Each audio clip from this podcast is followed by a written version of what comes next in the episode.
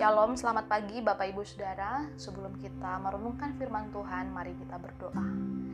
Bapak Surgawi, kami bersyukur buat kebaikan Tuhan, kemurahan Tuhan.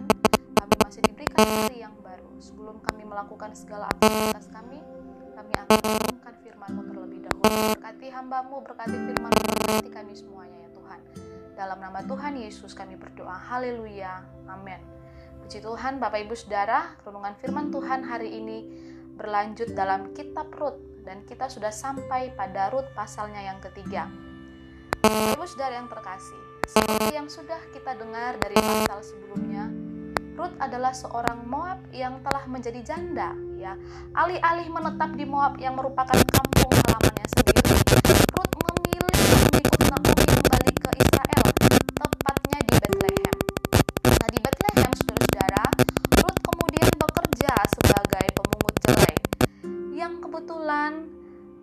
itu dilakukan di ladang atau di tanah si Boas. Dan itulah awal perjumpaan Ruth dan Boas yang kemudian menjadi penebus bagi Ruth dan juga Naomi. Nah, Bapak Ibu sejarah Boas adalah seorang yang berkedudukan tinggi dan murah hati. Pada zaman itu, biasanya orang miskin diizinkan untuk mengambil sisa gandum di ladang sesudah panen.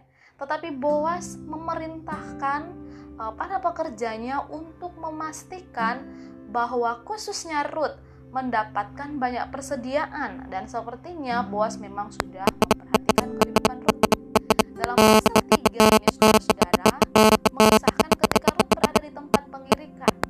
Nah, jadi setelah Naomi sepertinya ya dia menyelidiki Boas, dia kemudian memerintahkan Ruth untuk memakai minyak wangi dan menggunakan pakaian bagus, lalu pergi ke tempat pengirikan dan berbaring di bawah kaki Boas. Nah, berbaring di bawah kaki ini merupakan suatu posisi yang rendah yang menunjukkan Ruth sebagai pemohon. Naomi sebagai seorang ibu mertua menginginkan hidup yang terbaik buat uh, buat Ruth. Nah, Bapak Ibu Saudara kita bisa melihat di dalam ayatnya yang kelima sampai tujuh dalam Rut pasal 3, kita melihat bagaimana Ruth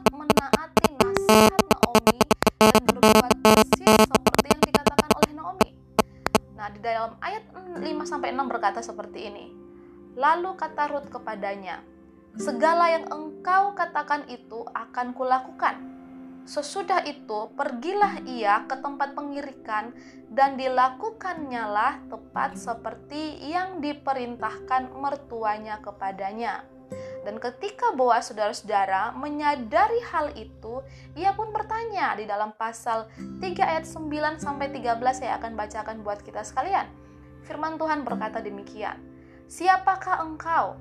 Jawabnya, aku Rut, hambamu. Kembangkanlah kiranya sayapmu melindungi hambamu ini. Sebab engkaulah seorang kaum yang wajib menebus kami. Lalu katanya, diberkatilah kiranya engkau oleh Tuhan, ya anakku. Sekarang engkau menunjukkan kasihmu lebih nyata lagi daripada yang pertama kali ini. Karena engkau tidak mengejar-ngejar orang-orang muda, baik yang miskin maupun yang kaya. Oleh sebab itu anakku janganlah takut, segala yang kau katakan itu akan kulakukan kepadamu. Sebab setiap orang dalam kota kami tahu bahwa engkau seorang perempuan baik-baik. Maka sekarang memang aku seorang kaum yang wajib menebus. Tetapi walaupun demikian, masih ada lagi seorang penebus yang lebih dekat daripadaku. Tinggallah di sini malam ini, dan besok pagi jika ia mau menebus engkau, baik biarlah ia menebus. Tetapi jika ia tidak suka menebus engkau, maka akulah yang akan menebus engkau. Demi Tuhan yang hidup, berbaring sajalah tidur sampai pagi. Nah, puji Tuhan Bapak Ibu Saudara. Sebelum kita lebih lanjut membahas uh, kebenaran firman Tuhan dalam pasal 3, ada dua kebiasaan lain dalam kitab yang perlu kita hargai ya, supaya kita mengerti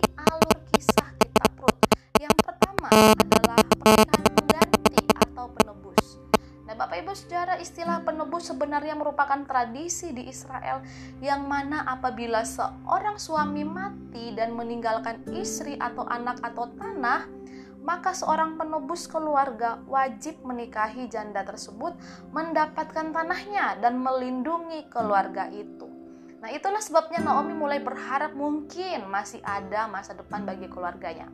Kemudian hukum yang kedua yang perlu kita mengerti adalah kebiasaan sosial. Nah, pada zaman itu saudara-saudara, seorang gadis tidak dapat mengusulkan pernikahan kepada seorang laki-laki, tetapi dia bebas menyatakan bahwa ia mau dinikahkan kepada seorang dan dapat melakukan itu dengan berbagai cara.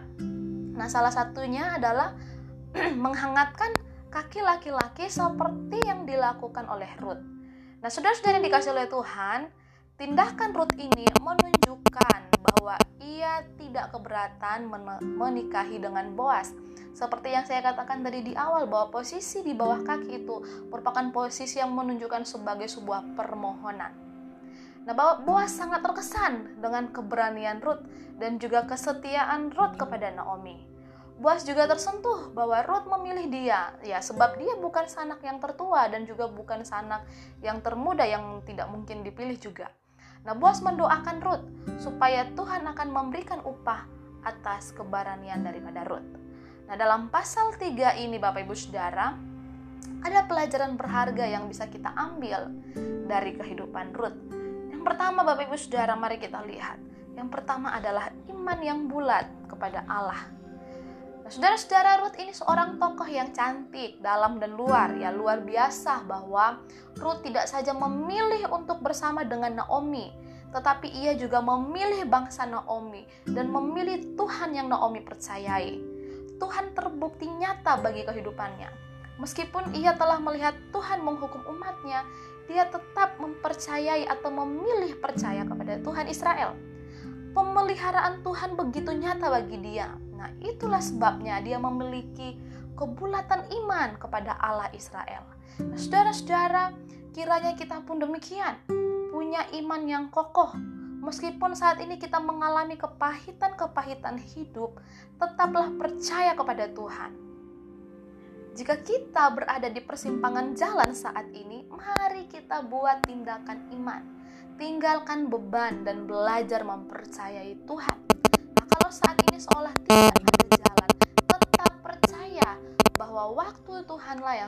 saudara-saudara. Miliki iman yang bulat, miliki iman yang kokoh, yang berani meninggalkan segala sesuatu demi mempercayai Allah di dalam segala sesuatu.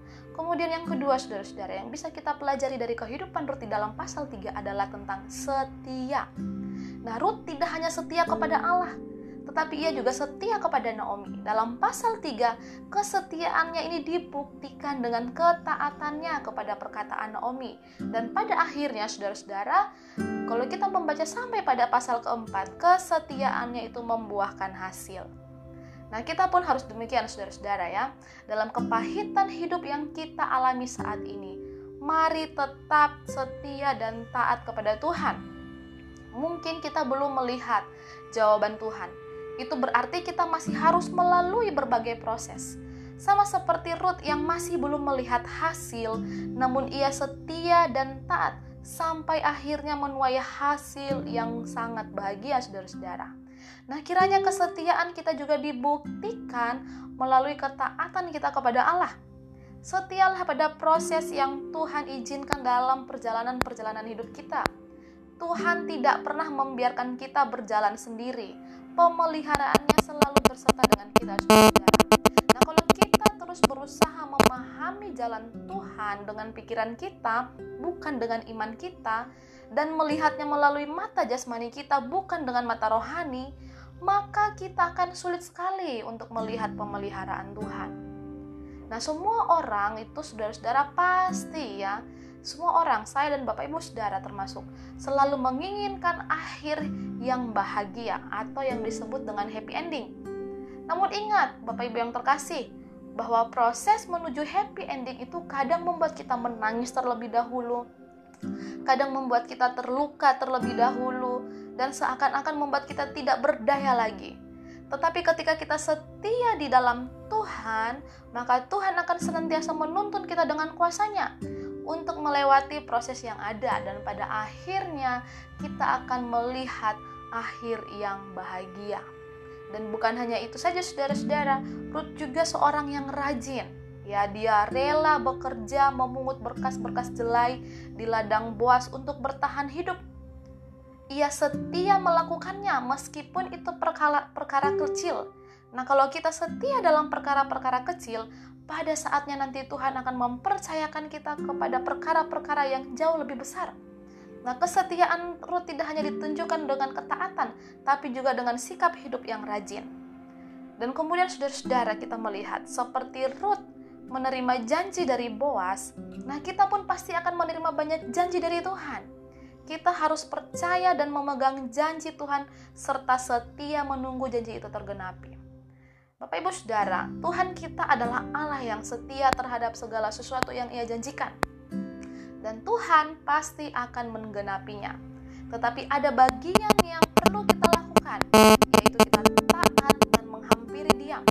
Ingat saudara-saudaraku yang terkasih, kesetiaan kita kepada Tuhan itu dibuktikan dengan ketaatan kita kepada Dia. Juga dibuktikan dengan sikap yang rajin. Nah, apabila kita sudah melakukan bagian kita, maka Tuhan pasti bekerja. Kalau Tuhan sudah memulai pekerjaan yang baik dalam hidup kita, pasti Dia akan meneruskannya sampai selesai. Mari saudara-saudara percayalah bahwa Tuhan selalu bekerja mendatangkan kebaikan dan kemuliaan hanya bagi namanya. Sama seperti kisah Ruth yang belum ditahu akhirnya seperti apa ketika dia menjalaninya, tetapi dia harus melewati berbagai kepahitan-kepahitan hidup, berbagai kesulitan-kesulitan hidup. Tapi Ruth memilih untuk tetap beriman kepada Tuhan dan memilih untuk setia dan taat kepada Tuhan. Dan pada akhirnya dia mendapatkan akhir hidup yang bahagia. Mari saudara-saudara, kita hidup beriman penuh kepada Tuhan, miliki iman yang bulat kepada Tuhan, hidup setia, hidup taat kepada Tuhan, sehingga kita akan juga menjadi orang-orang yang diberkati oleh Tuhan dan melihat akhir tujuan yang bahagia. Tuhan Yesus menolong kita semua. Biarlah kita tidak hanya menjadi pendengar firman, tetapi juga menjadi pelaku firman. Tuhan Yesus memberkati. Shalom.